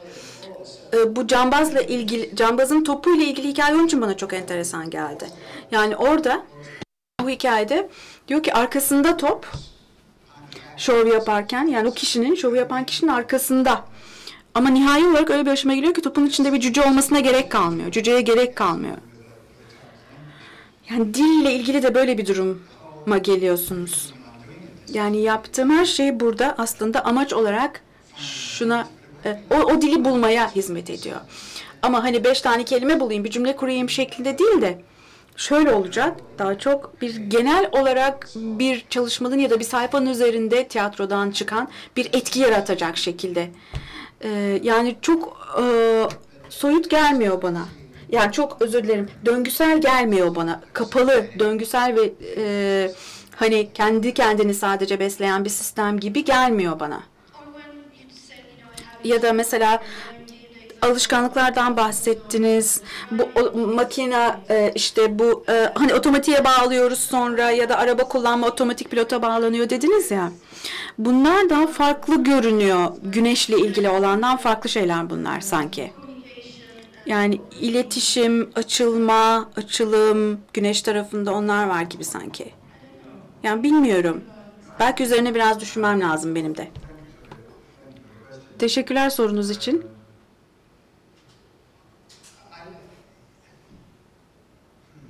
When I think, uh, a- a- address your question to the uh, concept of uh, mastery or Ee, hakim olmamaya hakimiyetle ilgili sorunuzu sorduğunuzda şöyle diyeyim ben hep bunu bir heykeltıraşlık gibi ya da görsel açıdan düşünüyorum. Yani bir, bir şekiller üzerinden düşünüyorum.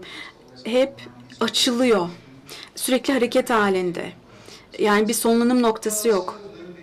Yani bir döngüsel evet belki bir bakıma ama hiçbir zaman sonlanmıyor.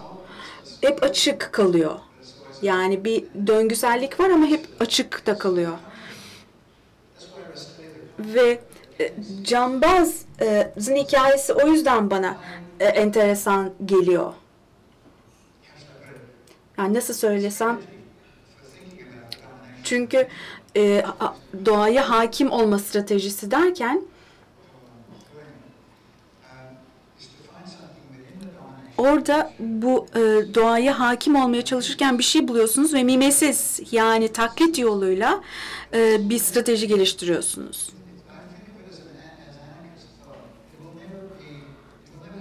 Ama hiçbir zaman kapanacak, sonlanacak bir şey değil. Bu çok pragmatik olacak bir şey, öyle diyeyim.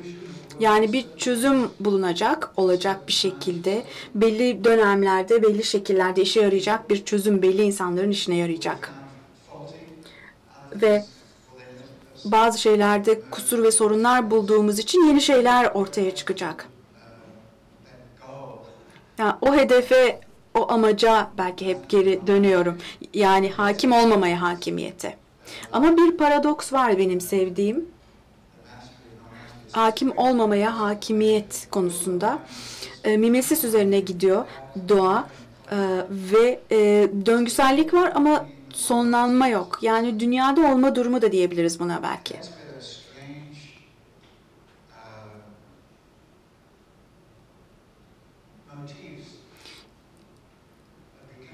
Yani bu enteresan e, motifler farkında olma, farkına varma ama farkındalığın da kayıp gitmesi yani bu bana enteresan geliyor. Yani bu sözünü ettiğim düşünürler hep neden acaba enteresan bir şekilde bir şey ortaya çıkıyor da kayboluyor gibi şeylere hep dönüp dolaşıp geliyorlar acaba. Ama hakim olmamaya hakimiyet bir döngü olacak bence. Ama daha çok bir küçük şekil gibi, figürate e, gibi ve e, bir enerji buna yükleyip bunu başka bir yere itmek de belki sizin deyiminizde mümkün olabilir.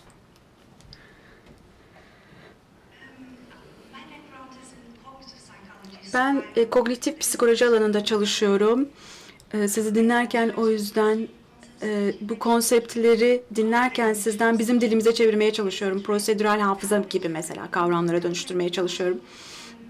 Ve hakim olmamaya hakimiyet de gelecek olursak bu inanılmaz bedensel bir zeka var. Kognitif bilimin devrimiyle beraber ortaya çıkan.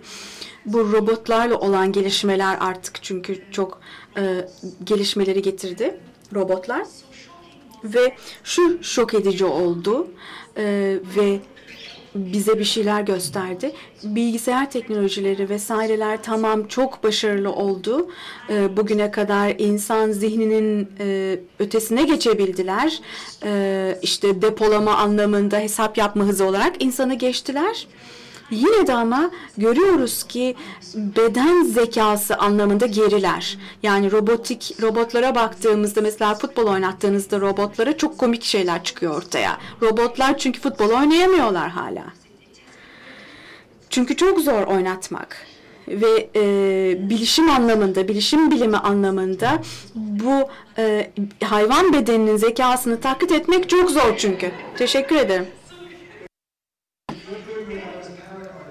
Benim para evet en paranoya paranoyamın olduğu şeyi çalışıyorsunuz. Bilinçsiz olan e, zekayı çalışıyorsunuz. Rektör yardımcınız burada. Bakın dikkat edin o konulara girmeyin. Öyle ge- genetiğe falan benzemez o konulara çalışmak. Ben şöyle düşünüyordum. Bu içine çalıştı yaşadığımız modern dönemde giderek daha az şekilde bu inanılmaz beden zekasını deneyimliyoruz. Yani prosedürel hafıza dediğimiz şey. Prosedürel hafıza mı diyorsunuz ona öyle mi deniyor? Bu bir terim. Artık terim değiştirdik arkadaşlar. Bedensel bilinçsizlik değil prosedürel hafıza diyecekmişiz. Yani bu e, bedensel bilinçsizlik, bedensel bilgiye katılıyorum. Yukarıdaki öğrenci arkadaşımıza katılıyorum bu arada. Demin söyledikleriyle ilgili. Neyse yani bu bedensel e, bilgi, bu beden zekası, beden bilgisi meselesi. Ve bu içinde yaşadığımız bugünkü dönemde, bu modern dönemde mesela eski dönemlerde bir yere gitmeniz gerekiyordu. Mesela işte Neolitik dönemde işte tarım yapıyorsunuz o dönemde.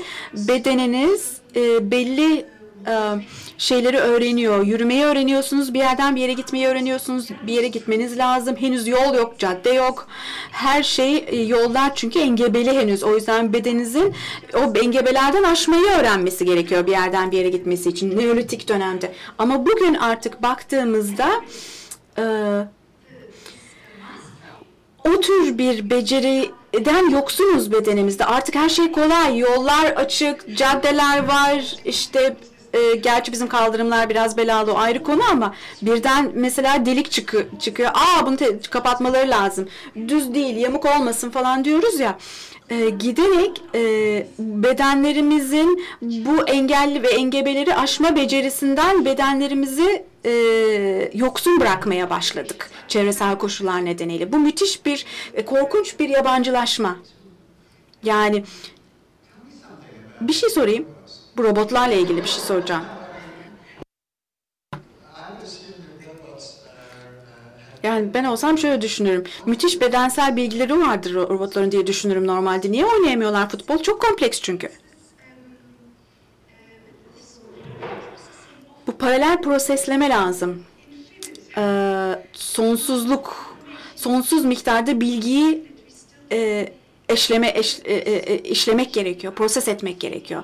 Yani bütün bu aldığımız bilgiler hala e, hani yine de e, robota yükleyebil sonsuz bilgiyi yükleyemiyoruz, alamıyor robot. Ama bedenimiz alabiliyor. Onun için ben sizin bu fikrinize şeyi sevdim. Hani bazı şeyler dediniz ya hiçbir zaman bilimle keşfedilemez diyorsunuz ya. Ben de sınıfta hep söylüyorum. Bazı şeylerin karanlık olması lazım. Karanlıkta ve karanlıkta ve keşfedilmemeleri lazım diyorum hep sınıfta zaten.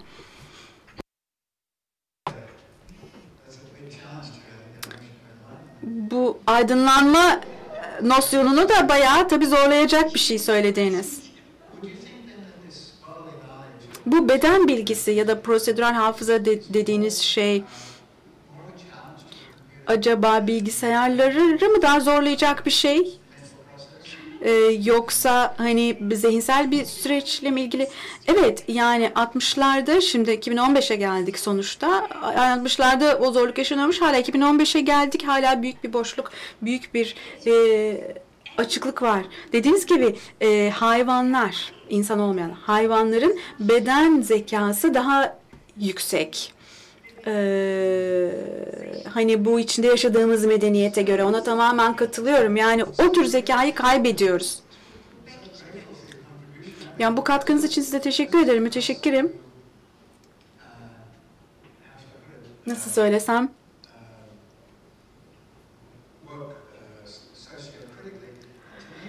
Sosyokritik olarak baktığımızda hani Nietzsche'nin söylediklerinde e, yazdıklarına dönecek olursak pek çok e, kısımda yazdıklarında saçını başını yoluyor bu meseleyle ilgili Nietzsche. Yani neden diyor bu kadar ön- önem atfettik ki dile diyor. E, ve e, zih- zihinsel olana. Halbuki diyor çok başka bir türlü bir bilme şekli ve alanı da var aslında diyor ve bu konuda yazıyor. Yani bayağı bir kafasını duvarlara vuruyor yani anlamaya çalışma çabası içinde Nietzsche. Okurken ee, e, görüyorsunuz ki yani bu bir günah sanki yani suç işliyorsunuz belki de yani bunu yapmakla. Dilin içine e, hapsolup gidince ki çok da iyi bir yazar diline baktığınızda dili düşmanı, bunun düşmanı aslında Nietzsche'nin.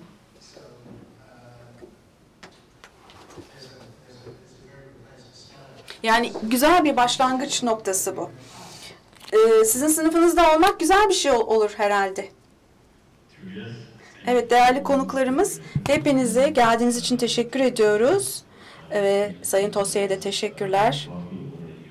Bildiğimiz ama bildiğimizi bilmediğimiz şeyleri bize söylediğiniz için teşekkürler. Sizi tekrar görmek isteriz başka bir vesileyle. Hepinize teşekkürler.